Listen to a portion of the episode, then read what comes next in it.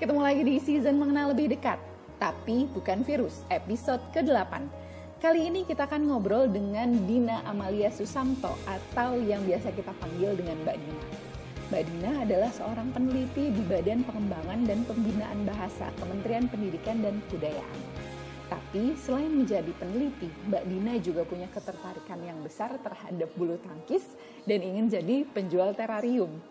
Pengen tahu lebih lanjut soal Mbak Dina? Ayo sama-sama kita simak obrolannya bersama saya Rizky, Mas Prama, dan Blikadek. Hai, selamat sore. Halo, halo. Sore hari ini kita bakal ngobrol sama siapa nih? Masih perlu dikenalin nggak sih, Mas? Sama posnya podcast. Nanti pembukaannya Mbak Dina sendiri. iya, iya, iya. Bisa, bisa, bisa. Terus abis ini juga dia bakal nanya dirinya sendiri, Mas. iya, iya makanya. Jadi kita tuh cuma nontonin aja di sini. Ada kira Oke. Jadi ini kita uh, akan mulai dengan pertanyaan paling basic ya. Jadi ceritanya kemarin kan kami udah lihat-lihat CV-mu Mbak Dina. Uh, kamu sebelum jadi PNS tuh kayak uh, banyak banget bekerja di uh, jadi guru les lah, penelitian lah, dan yang lain-lain. Sebenarnya apa sih yang bikin kamu akhirnya ngelamar jadi PNS? Jadi waktu sastra Jerman itu, zaman dulu, kan aku sastra Jerman ya, susah cari kerjaan, susah banget dulu. Uh, kalau misalnya ada PNS PNS kita buka pasti sastra Jerman nggak ada. Bahkan untuk misalnya jurusan Kementerian Luar Negeri sastra Jerman nggak ada. Pokoknya sedih banget deh lulusan Jerman. Nyesel dulu aku ngambil sastra Jerman. Oh, emang kenapa? Hubungan diplomatiknya juga dikit apa? Sama Jerman? Gue nggak tahu. Ya, jurusan sastra udah ke Jerman miris lah pokoknya. Teman-temanku kan banyak yang kerja jadi guru, jadi ya pokoknya keluar lah jadi jalur Jerman gitu ya. Nah terus uh, terlontang lantung lah lama itu sampai aku jadi guru privat. Pokoknya hal pekerjaan yang yang bisa aku lakukan aku kerjain deh kan sampai aku jadi guru privat ngajar dari murid yang SMA sampai murid yang TK bahkan Itu ngajar apa itu mbak? Hah?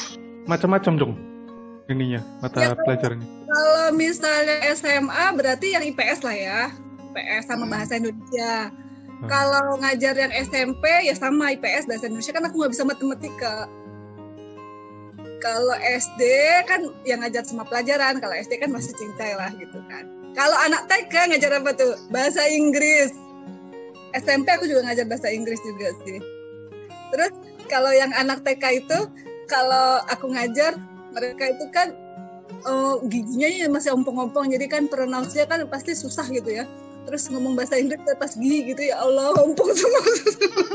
Lucu lah ngajar anak TK. Nah, terus uh, SMP ya ya ngajar muridku SMP ada beberapa orang dan aku ngajarin bukan mereka yang datang di aku ya aku yang datang sama hmm. mereka jadi bayangkan aku ngajar dari jam 8 pagi kalau yang misalnya jadwal anaknya siang hmm. atau kalau lihat lagi liburan gitu ya sampai jam 10 malam di Bandung ya dengan naik motor jadi aku dulu hafal makanya dengan naik motor itu dari Bandung Utara Selatan ke Subang kamu bisa jadi supir Gojek sekarang, Mbak. Hebat itu ya. Ya tinggal kalau zaman sekarang aku daftar Gojek itu. Masuk ke PNS masih lama 2010. Jadi kemudian 2006. Jadi aku ngajar itu dari awal 2000 dari 2003 lah ya, 2003. Ya. Jangan-jangan yang dari Bandung nih Naila ini jangan-jangan muridku ya. Gak tahu aja. Soalnya dulu aku banyak ngajar juga daerah UPI.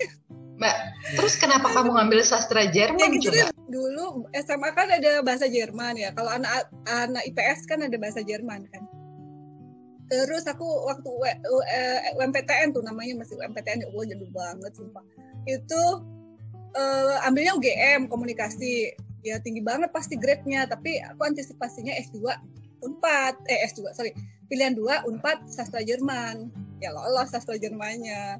Tapi abis itu di semester semester makin ke atas makin susah susahnya di bagian mana sih? Grammar grammar grammarnya susah. Tapi sih kalau aku sekarang masih hafal kalau mau nanya grammar Jerman. Justru yang aku hafal, sekarang lupa kosa katanya. 2006 aku ngambil S2 setelah tidak kuat lagi untuk cari kerja susah, ambil S2 dulu aja. Nah, begitu lulus S2, setahun itu aku ikut jadi peneliti dulu di LSM. Terus 2010 ya, awal ada pembukaan. Tujuh orang yang dicari, nah berarti Asik. semua, lolos semua. Baiklah, baik. Rezeki ya itu ya. Itu benar-benar ya. Rezeki benar tuh. Rezeki setelah sekian lama terlantung, terlontang-lantung. Langsung jadi tenaga ahli itu pasti. Langsung 3B. Iya iya iya iya, bener-bener langsung melesat ya. Langsung 3B. Mbak, kamu masih bisa bahasa Jerman nggak? Ja, ich mochte essen, aber ich bin fasten. Aku pengen makan tapi aku puasa. Kalau sama bahasa Inggris itu lebih rumit bahasa Jerman. Bahasa Inggris Jerman, grammarnya susah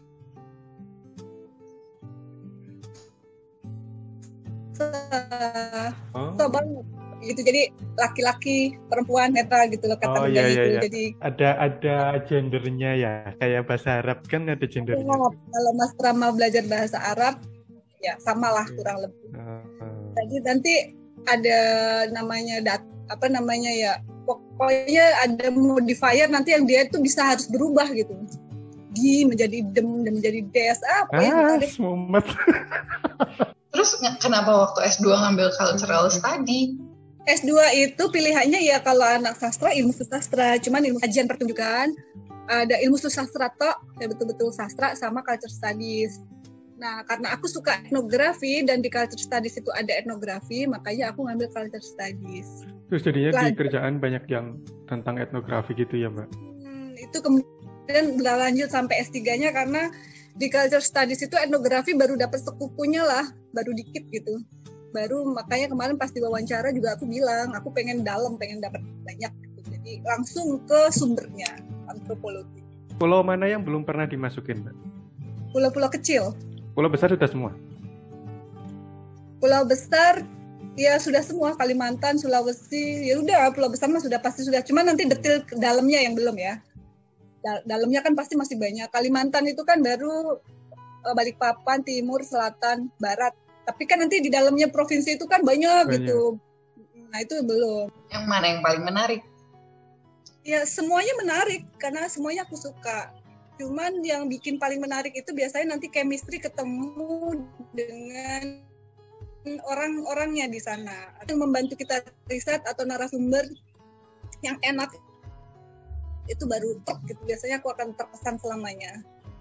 Nah, kalau yang ada kan daerah-daerah yang kita salah salah pilih narsum padahal cuma sebentar ke sana jadi salah pusing nanti bikin laporannya salah bikin temen yang nganterin ketemu temen yang nganterin. Nanti dia karena kita dia naruh kita ketemu narsum yang salah itu nanti aku Narsum yang salah gitu itu kan. maksudnya kayak apa, Mbak Dina? narsum yang tidak sesuai dengan apa yang kita cari gitu. Jadi ternyata dia bukan Oh. ahlinya. Karena kan kita dari Jakarta ya nggak tahu ya. Udah WA-an sih sama teman di daerah. Tapi yang teman di daerah sendiri juga kurang paham. Jadi nanti salah atau ketemu narsum yang di sebenarnya ada yang kontra sama dia gitu. Ada yang lebih tepat gitu. Tapi karena dia pengennya wacana itu dia yang nguasain jadi aku pernah juga kayak gitu. Jadi untuk menjawab pertanyaan itu kalau yang sekarang paling berkesan satu Nias. Yes. nomor satu. Dua Badui kemarin yang baru ke sana karena baru. Mm-mm. Maluku Utara. Empat Alor. Lima Papua. Papua Barat Raja Empat. Itu. Enam Mentawai. Kan kalau kayak Baduy dalam itu dia eh, sudah menutup dirinya istilahnya dari eh, dunia luar kan ya. Istilahnya sampai mereka mundur ke hutan itu. Enggak sebenarnya. Jadi maksudnya Hmm. itu nggak menutup di- diri betul-betul enggak itu persepsi yang mereka lurusnya membentuk diri menjadi luar itu fungsinya untuk menghubungkan Badui dengan dunia pemerintahan dengan dunia masyarakat luar Mm. Nah, terus dan jadi benteng supaya orang tidak langsung rengsek ke dalam gitu. Jadi ada orang mau lihat Baduy luarnya aja biar banyak yang di luar. Tapi sebenarnya mereka masih satu adat kan. Nah, Hmm. cuman orang Baduy dalam sekarang juga udah bertransaksi tidak barter sama. Hmm. Jadi mereka juga sudah mengenal alat ekonomi uang. Sehingga ya kan mereka kan jumlah penduduknya juga makin banyak lahan adatnya mereka kan itu itu saja jadi ya mereka akhirnya eh, beli tanah juga tapi nanti yang yang yang mengelola itu saudara mereka di Baduy luar karena mereka Hmm. nggak boleh mengelola lahan di luar Baduy dalam. Nah itu aja. Nah yang masih saklek itu mereka yaitu tetap harus eh, tidak tetap tidak menggunakan barang bahan-bahan kimia ya. Tapi kalau kita ke sana cuman mereka juga minum susu set-set juga mereka mau. Kemarin kan kita kasih gitu terus. Ya mereka makan apa aja juga bisa. Hanya kita kalau nginep berkunjung ke Baduy Dalam itu hanya satu hari. Dan itu pun eh, di luar hari-hari suci mereka. Tetap bisa kok. Dan ya mereka itu kalau ke mana-mana jalan kaki. Nggak boleh. Kalau Baduy Dalam itu nggak boleh kenal teknologi. Ke mana-mana jalan kaki. Kalau Baduy luar kan udah banyak youtubernya. Cari Mhm. aja. Siapa gitu Baduy luar udah banyak. mereka. Nah yang seru mereka itu nggak sekolah kan nggak boleh sekolah Hmm. kan. Mm-mm. adatnya masih kuat. Satunya melarang anak-anak mereka sekolah. Supaya apa? Supaya mereka tuh terjaga kepaduannya gitu. Jadi tetap me- menjadi mereka yang seperti nenek moyang mereka dulu gitu. Hidup bertani nggak pengen nggak nggak punya nggak boleh ada keinginan neko-neko jadi peneliti misalnya atau Hmm. jadi akuntan. Nah, Mm-mm. kalau itu mereka mau kayak gitu boleh tapi mereka sudah nggak dianggap badi lagi sudah keluar keluar bahkan ke, dari ba- ke Baduy luar ya enggak keluar bahkan badi luar tuh Tetep. enggak karena badi luar juga Hmm. maaf. Mereka itu tapi bisa baca bisa tulis. Dari mana? Mereka belajar mendatangkan guru yang guru itu mengerti banget budaya mereka, paham banget mereka. Jadi ya mereka ini eh, eh, si guru itu nggak nggak akan mempengaruhi transaksi. Mereka bisa main gadget yang di luar ya. Mereka bisa Hmm. jadi youtuber. Mereka bisa jualan. Mereka jualan online. Mm. kan kalau sekarang tuh itu banyak Baduy luar itu ya. Hmm. Nah, kalau Baduy dalam itu paling nanti mereka menitipkan produk mereka madu misalnya. atau tenun-tenunannya itu kan cewek-cewek rumah mereka nggak boleh dibantu.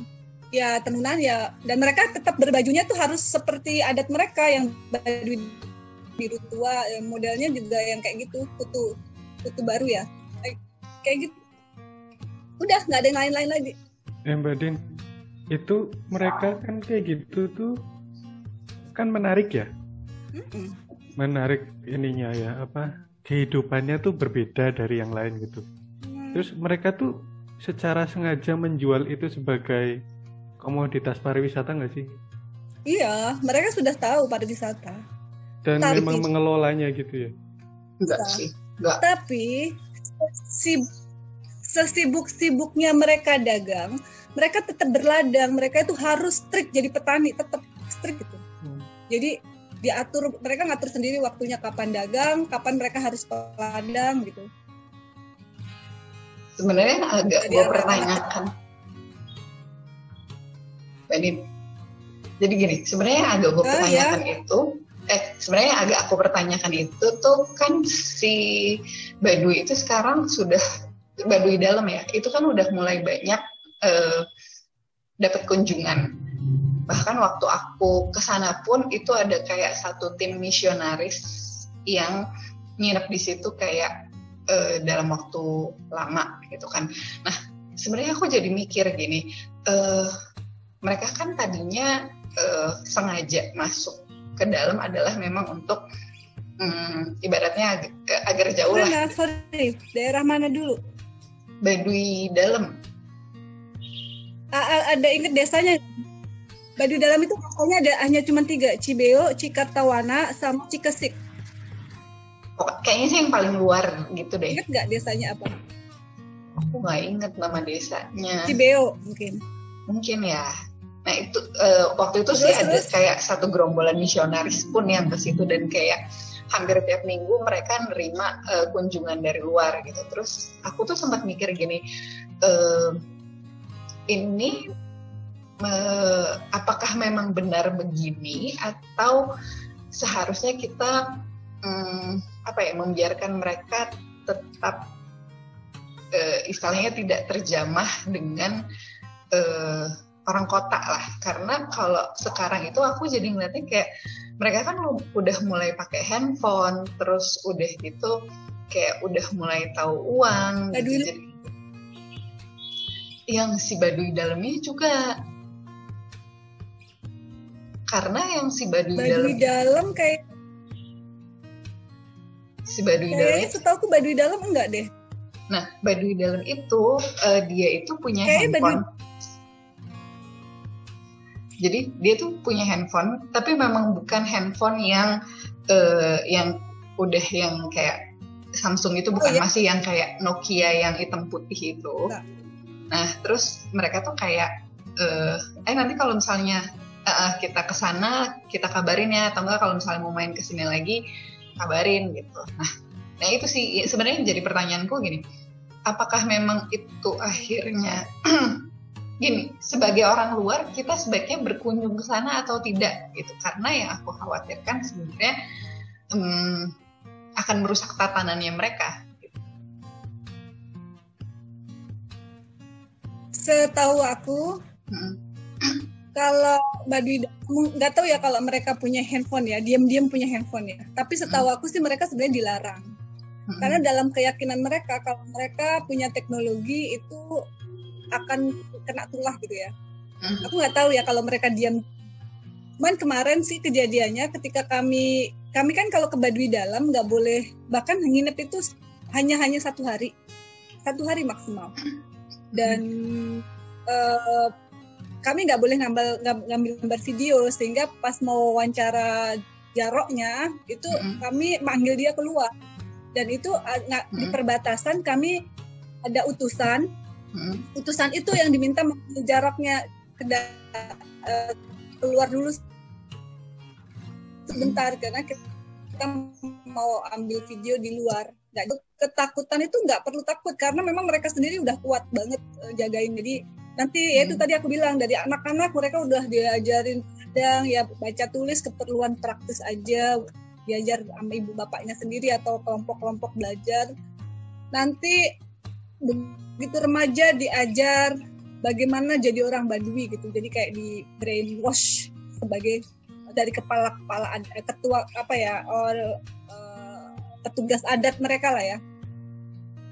Dan ya itu kalau mereka nggak kuat dengan adat di dalam itu mereka boleh tapi keluar aja di Baduy luar kan lebih leluasa tadi. Mereka bisa punya gadget kayak handphone laptop eh, dan segala macem lah gitu itu mereka di Baduy luar. Tapi kalau di Baduy dalam enggak. Nah makanya tadi aku tanya ke Kiki mungkin bisa nanti dicek lagi ya. Ini menarik ya. Uh, Hmm. kalau Kiki ingat nanti bisa pas kesama kedua bisa nanya. Bisa ngecek itu di desa mana. Apakah betul-betul tiga desa itu Cibeo, Cikes. Oh, sebenarnya itu masih Baduy luar, cuman kebetulan posisinya memang agak ke dalam di perbatasan misalnya. nggak tahu. Sepemahaman aku waktu aku ke sana mereka kan mulai dari kostum pun berbeda ya antara yang di dalam sama yang di luar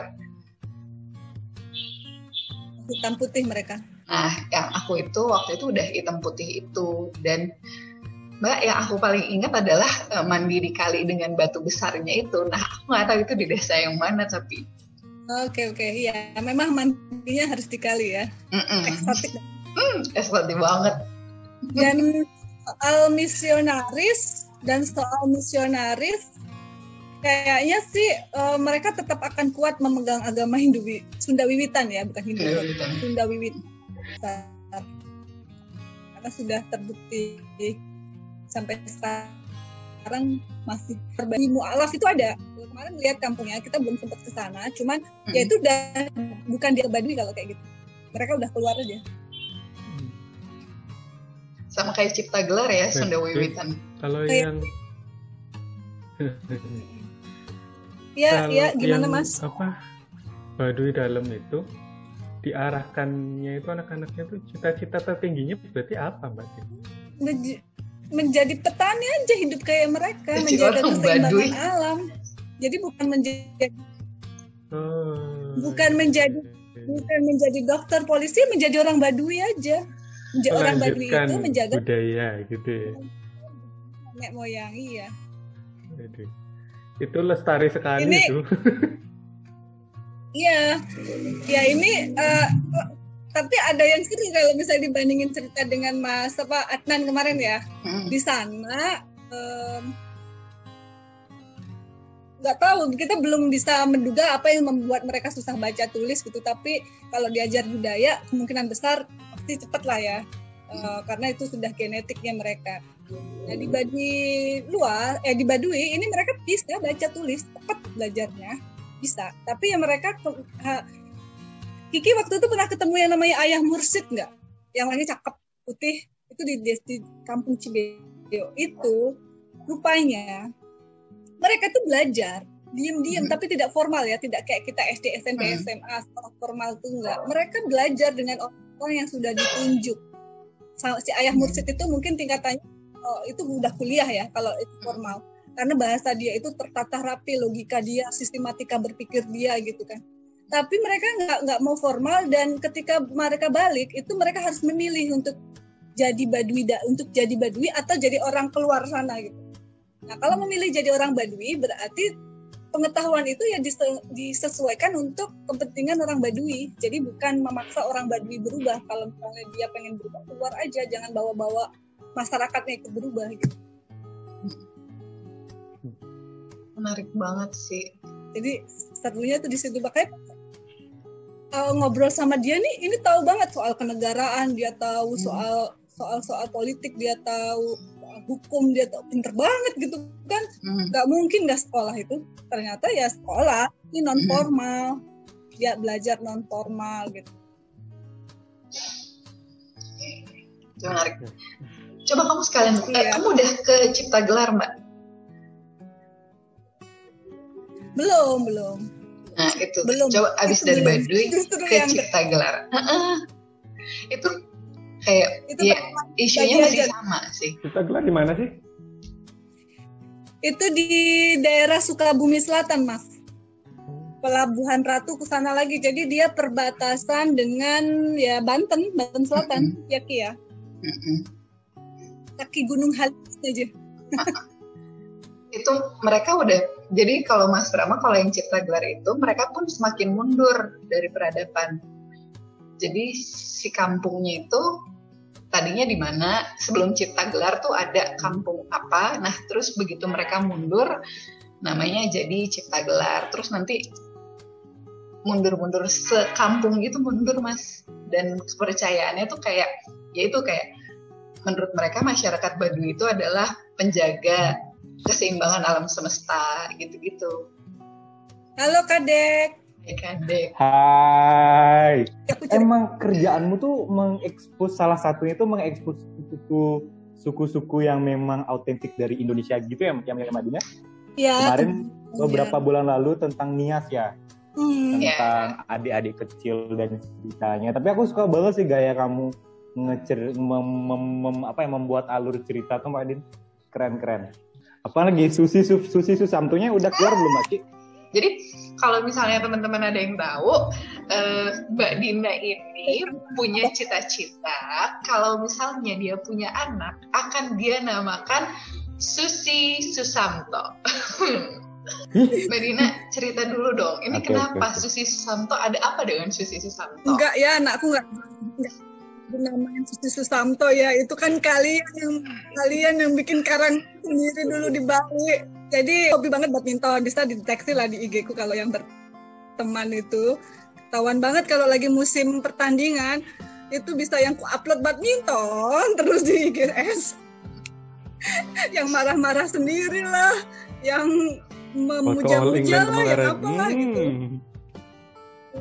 All England juga sebelum All England juga pokoknya setiap ada pertandingan musim badminton pastilah itu IGS ku penuh dengan boman badminton semua. Nah, terus uh, saking sukanya aku kalau punya anak masih dikasih Tuhan kesempatan punya anak perempuan ataupun kalau nggak punya anak sendiri ya nyari anak angkat anak yang siap untuk menjadi jadi pemain badminton Harus banget ya main Gitu ya, badminton, kalau ya, Mbak. kalau emang nanti mau men, apa namanya mengadopsi anak yang emang bersedia menjadi pemain bulu tangkis, cuman ya. Jadi dari bayi tuh ditanya, Heeh.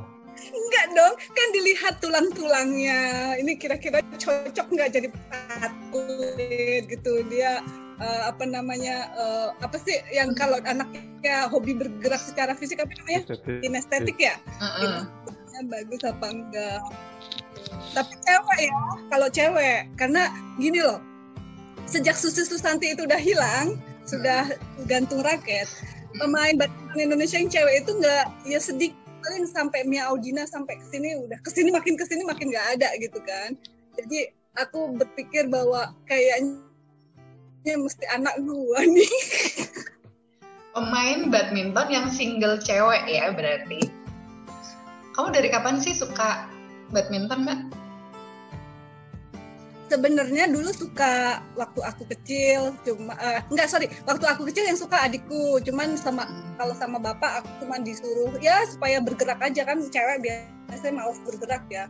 Jadi sengaja diajak main yang nanti bolanya tuh di pojok sana pojok sana pojok sana. Jadi samping rumahku tuh kan Mas Rama kalau mungkin zaman dulu juga suka lihat ya di kampung-kampung suka bikin lapangan terbuka itu loh samping rumah gitu depan rumah gitu ya.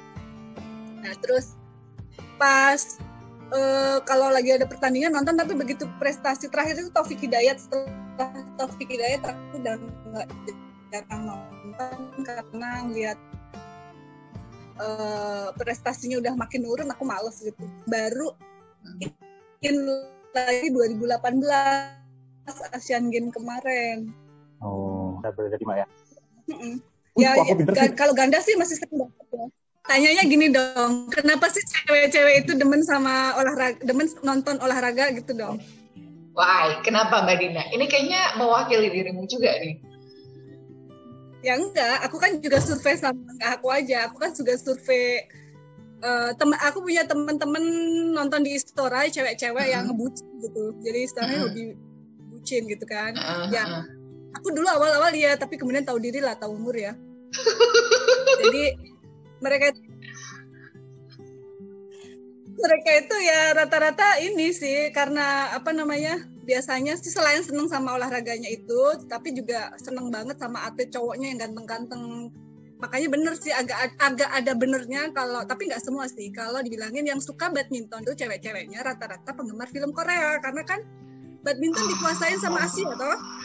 Iya, iya, dan iya. Asia itu kan Korea, Cina, Jepang itu kan mukanya oriental-oriental termasuk yang dari Indonesia. kan dirimu eh, punya keinginan nih bahwa ke depannya bulu tangkis Indonesia tuh maju, apalagi yang si tunggal putrinya itu kan. Nah, kira-kira eh, menurut Mbak Dina ada nggak sih kita nih sebagai supporter kamu sekarang posisinya itu apa sih yang bisa kita lakukan untuk mendukung supaya si eh, Indonesia ini bisa punya tunggal putri yang oke di masa depan? Ya, jadi supporter yang yang pinter lah ya. Jadi Hmm. supporter yang pinter tuh gini. Eh kemarin juga lagi ada di persoalan kan soal reporter jebret itu ya. Nah, Mm. supporter yang pintar itu biasanya karena ada komentator yang pintar. Jadi supporter Mm-mm. itu sekalian se- biasanya kan belajar dari pertandingan demi pertandingan dan lihat bagaimana apa komentator. Nah, Mm. kemarin kan dipersoalankan tuh kalau pernah ada di TV kalian pernah di Twitter atau apa yang si si eh, komentator bola yang jebret itu ya Mas Ah, Prama ya? jebret. Eh, Si jebret ya belum gue yang yang ngomong ada mutunya itu loh dianggap nggak ada mutunya sorry aku tidak mau ikut ikutan ya cuman eh, nah kalau misalnya kita sebagai supporter itu belajar yang kita nilai itu secara objektif ke hal-hal yang berkaitan dengan bulu tangkis ke hal-hal yang berkaitan dengan psikologi kita menghargai psikologi pemain kalau dia kalah jangan kita bully jangan kita tapi kalau emang mau ikut mengkritik nggak apa-apa sah tapi maksudnya lebih ke yang objektif aja gitu. Kita melihatnya objektif. Nah itu kita bisa mendorong mereka kan banyak ya yang eh, pemain juga gagal gara-gara misalnya eh, dia juga salah juga mungkin banyakkan media sosialnya dia yang buka. Jadi kalau pemain lagi kalah jangan buka media sosial deh, pasti stres. Karena eh, netizen Indonesia juga itu ku bilang sadis di jempolnya tuh sadis gitu. Nah jadi ya kalau menurutku sih kita yang harus pintar, tidak terlalu memuji banget, tapi Hmm. juga tidak terlalu menghina ketika dia kalah gitu. Jadi ya ya kita memberi masukan yang yang objektif aja. Makanya kita harus ngerti bulu tangkis, jangan hanya sekedar karena dia ganteng. Kalah itu ya. Tapi harus belajar bulu tangkisnya juga benar-benar. Berarti eh, kita harus belajar ngerti tentang si bulu tangkis itu Ngerti sendiri. menikmati pertandingannya lah minimal, menikmati Hmm. pertandingannya. Oke, se- sehingga ketika kita kita berkomentar mau pun, sponsor. Mm-mm. jadi supaya waktu Ah. kita komen tuh kita nggak komen yang ngasal atau justru menyakiti dia lah istilahnya ya. Bener, bener banget. Terus buat tim post test sama pretest sebelum start per- permainan Mbak Din. Saking gilanya sama badminton sampai disertasiku badminton tahu. Oh iya. Iya, Ih, serius. beneran? beneran. Jadi etnografi nanti etnografi tentang pema- eh, lingkungan komunitas badminton. Ada unsur pemaksaan biar disambung-sambungin nggak Mbak Din? Gini, Ada dalam prinsipku kalau kita mengerjakan nggak? enggak sih itu ma- itu masih make sense karena ada di, di teoretikalnya di sastra juga ada sastra yang bahas komunitasnya tuh ada. Nggak harus karyanya jadi nggak harus novelnya atau nggak harus filmnya tapi orang yang menuliskan atau membuat. Sebenarnya prinsipnya gitu tadi- aku tadi mau bilang apa ya? Lupa. Eh, ada prinsipnya gini kalau kita mengerjakan satu riset ya nanti sama juga eh, untuk kita semuanya ya untuk Mas Trama, Kiki dan Kadek pilihlah yang paling kita sukain gitu karena kalau yang kita sukain itu ngerjainnya enteng nggak nggak jadi beban gitu jadi kayak Jadi- ngerjain hobi aja Ini bisa dijadiin quote. Itu Mas. Prama biar masuk Kalau mau jurnal. ngerjain riset, kerjakan Iya. sesuai hati. Benar, kalau kita Tapi kalau emang kalau bahasanya emang sangat-sangat dinamis gitu ya Mbak, Mbak Din ya. Dan benar-benar sefleksibel yang Mbak Din bilang tadi ya. Budaya soalnya kan aku ngambilnya budaya deh kalau bahasa bahasa dari sudut pandang harus dari budaya kalau budaya itu sangat fleksibel Fleksibel banget. jadi olahraga olahraga dilihat sebagai budaya Oh, itu yang budaya yang olahraga. nantinya akan Mbak Din Juara. kerjakan ketika Mbak Din sudah Ah, ah. berkuliah nantinya. iya Itu kan ya. Wah. Iya. Ini kan keren ngomongin keren keren keren. kemarin Tapi keren tapi ada yang gini ada yang gini jadi sport ilmu sosial itu belum dianggap untuk jadi sesuatu memberi kontribusi terhadap eh, sport science yang dipakai dalam pengembangan olahraga di Indonesia. Jadi di Indonesia itu sport science-nya paling matematika, fisiologi, kedokteran, apalah, sains, eh, IPA semua. Nah, jadi saatnya sekarang mau nunjukin bahwa ilmu sosial di luar psikologi ya, kalau psikologi udah eh, itu punya kontribusi besar untuk mengembangkan olahraga. Widih, kok tujuannya mulia banget. Ini tujuan kemarin di, L- di LPDP Mbak ya? Ya di LPD. Yang kamu raise isu Ya, kemarin pas kamu raise isu buat di L- LPDP bawa bawa ini Mbak ya mengenai sport Iya. science dan budaya ini. Iya betul. Gini ya, Mbak Dina itu punya banyak sekali profesi, pekerjaan, Iya. hobi, sampai kita tuh bingung yang mana yang mau kita bahas. Bener. Iya, apakah PNS-nya penjual teratorium, supporter bulu tangkis atau apa? ya Mbak sekalian jelasin lah Pak teratoriumnya Mbak. Tapi jangan terlalu promosi ya. Enggak enggak. Itu terarium itu sebenarnya pekerjaan yang kutemukan ketika lagi lock lagi lockdown ya. Apa sih? Karantina kemarin kan? Ya teman-teman yang udah kuliah sih bisa mengerjakan kuliah ya. Nggak berasa. Kita yang belum kuliah kan bosen banget gitu.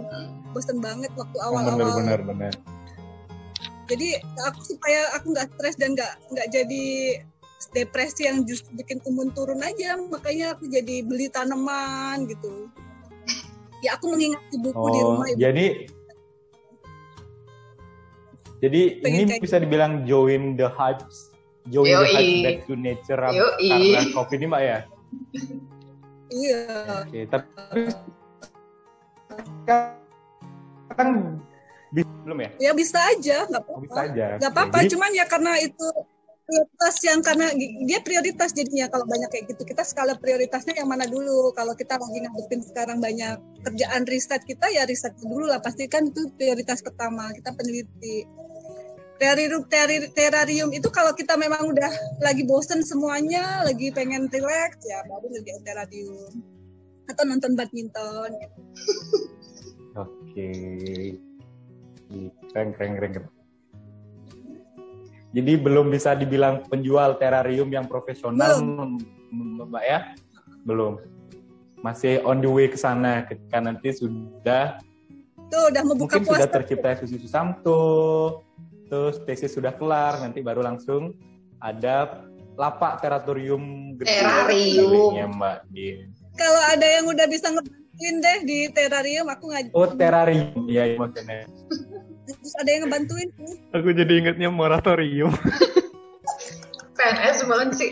Kak Din, aku punya satu pertanyaan sih. Eh, pertanyaan adalah, what's your favorite failure? my failure favorite Uh, failure aduh your gila banyak favorite banget ya failure. failure failure gue itu Your failureku aku merasa favorite gagal Yang paling lo Iya. sukain? Iya, only one Mbak. Kalian sudah tahu lah kalau kalian berdua ya tapi mungkin teman-teman yang lain belum tahu ya ini Iya, iya, iya, iya. aku sudah mengalami tes IELTS berapa kali Kim? Udah berapa belas kali, Mbak? Itu itu bener belasan ya Mbak Mbak di ya? Itu bener belasan kali Mbak buat nyoba IELTS-nya. Mbak. belasan kali bisa. Kan aku ngambil tes IELTS dari mau siap-siap S3 dari 2014 2013 2014 ya dan eh, tidak hanya IELTS sebenarnya Oke, berarti struggle walaupun memang berlatar belakang dari um, ilmu bahasa, tapi juga struggle dalam tes bahasa. Gitu ya berarti Mbak Dina? ya ternyata belum tentu bisa ngerjakan Apalagi hal-hal tes apalagi saya yang berasal dari kesehatan harus harus terus tapi emang enggak ya. emang struggle banget sih Mbak Din ketika belajar bahasa yang dinamis gitu kan tadi emang berarti lumayan pahit banget dan tapi Mbak Din menikmatin failure yang Mbak Din ceritain tadi ya dalam segi ya mau gimana lagi bahasa yang bola. Dulu mikirnya udahlah aku sampai berjuang sampai titik darah penghabisan. Sampai kalau kira-kira bener-bener aku sudah nggak sanggup baru aku eh, akan memindahkan eh, tujuan kuliah di Indonesia gitu ya. Hmm. itu kan karena itu. Ya aku merasa sudah enough gitu cukup kan.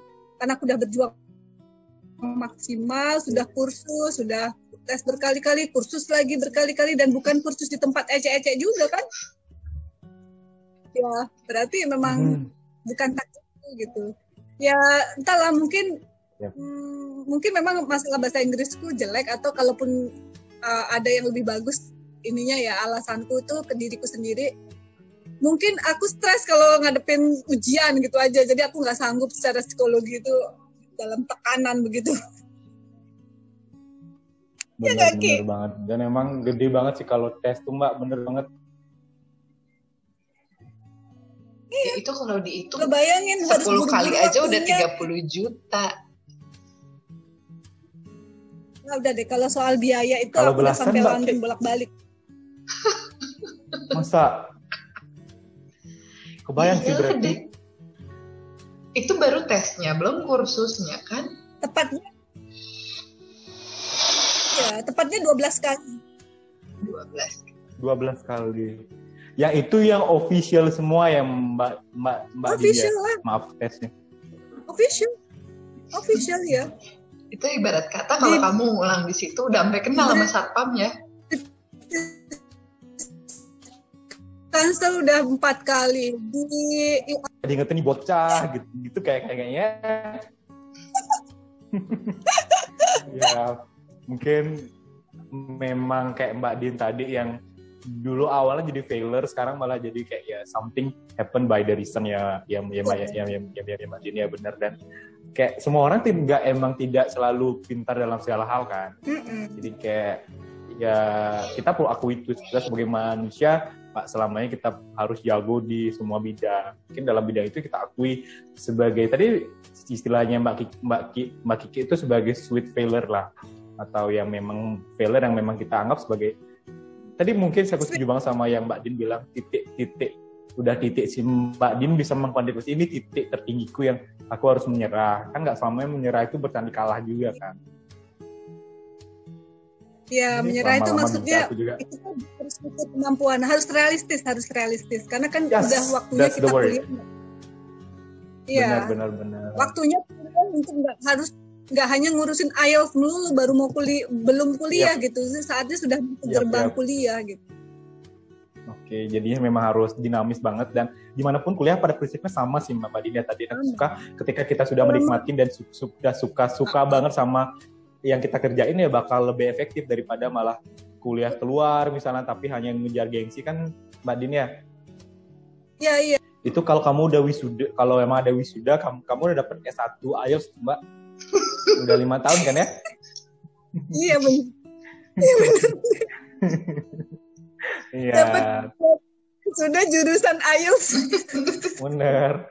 Jadinya ya mungkin bisa jadi gambarnya juga ya bagi teman-teman di rumah yang yang biasanya dan mungkin ada hal apa ya hal yang dipetik dari Iya. kalau kita memang yang mungkin yang lempeng-lempeng aja tes IELTS ada ada ada juga loh kayak yang kayak Mbak Dini yang benar-benar persisten yang benar kuat banget sampai nyoba lima tahun itu nyoba sampai 12 kali tes IELTS itu memang sungguh sangat diapresiasi karena semua orang punya cerita sendiri. Benar kan Mbak Ki? Mbak Dina, ada pesan dan kesan yang ingin kamu sampaikan untuk teman-teman Gama di Ghana? akhirnya bagian ini ya harus merangkai kata nih ya. Hai teman-teman. Eh, tetap ini ya tetap keep in touch sih. Jadi aku aku sebagai eh, yang suka ngamatin gitu ya eh, yang apa kelihatan berapa pendengarnya kayak gitu. Jadi aku ngelihat ya naik turun ya naik turun.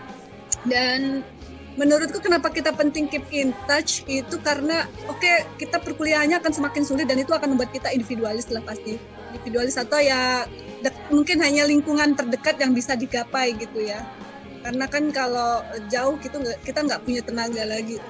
Tapi at least kita dengerin lah ya dengerin podcast kita jadi tahu eh, cerita-cerita teman-teman kita dan itu membuat kita semangat loh. Karena eh, kita tuh nggak kayak ngerasa menderita sendirian itu aja sih. Karena benar masa-masa kuliah nanti bagian yang banyak menderita kalau udah banyak tugas kuliahnya susah dan lain-lain gitu deh. Itu aja sih Ki. Dan satu lagi sih sebenarnya Mbak, eh, kalau misalnya kita punya niat untuk hmm, ke depannya menjalin kerjasama atau punya proyek apa, eh, kita jadi ada masukan gitu. Jadi eh, untuk mulai obrolannya tuh kita eh, nggak dari nol lagi gitu. Jadi oh aku udah tahu nih sebagian cerita soal kadek. Jadi ketika approach ke kadek pun aku tahu nih kira-kira ngobrolin apa gitu. Itu sih yang aku pikir salah satu Iya, Udah ada bahan ber- berbagi Mbak Ki ya. Mm-mm. Nah, jadi ada bahan yang kita tahu dia itu siapa jadi kita nggak bingung mau ngomong dari mana gitu nggak kikuk lah gitu meskipun kita nggak pernah ketemu misalnya nah itulah teman-teman Ah. Dan harapannya nanti semakin ini kayak bola salju gitu Mbak Mbak Mbak Dini ya. Jadi semakin banyak orang yang mau bercerita, semakin banyak yang bisa kita rekam jejak digitalnya sehingga sampai kapan pun itu sampai kita punya anak nenek cucu atau apa pun nanti ke depannya bisa kita denger ya dan kenang-kenangan nanti bisa Susi Susi Susamto nanti bisa denger juga kan kalau Mbak Din tuh memang sudah merencanakan adanya dia tuh dari podcastnya ini gitu kan ya Oke. Karena ini juga udah mau buka, mari kita akhiri podcast hari ini. Sampai bertemu di podcast-podcast selanjutnya. Dadah!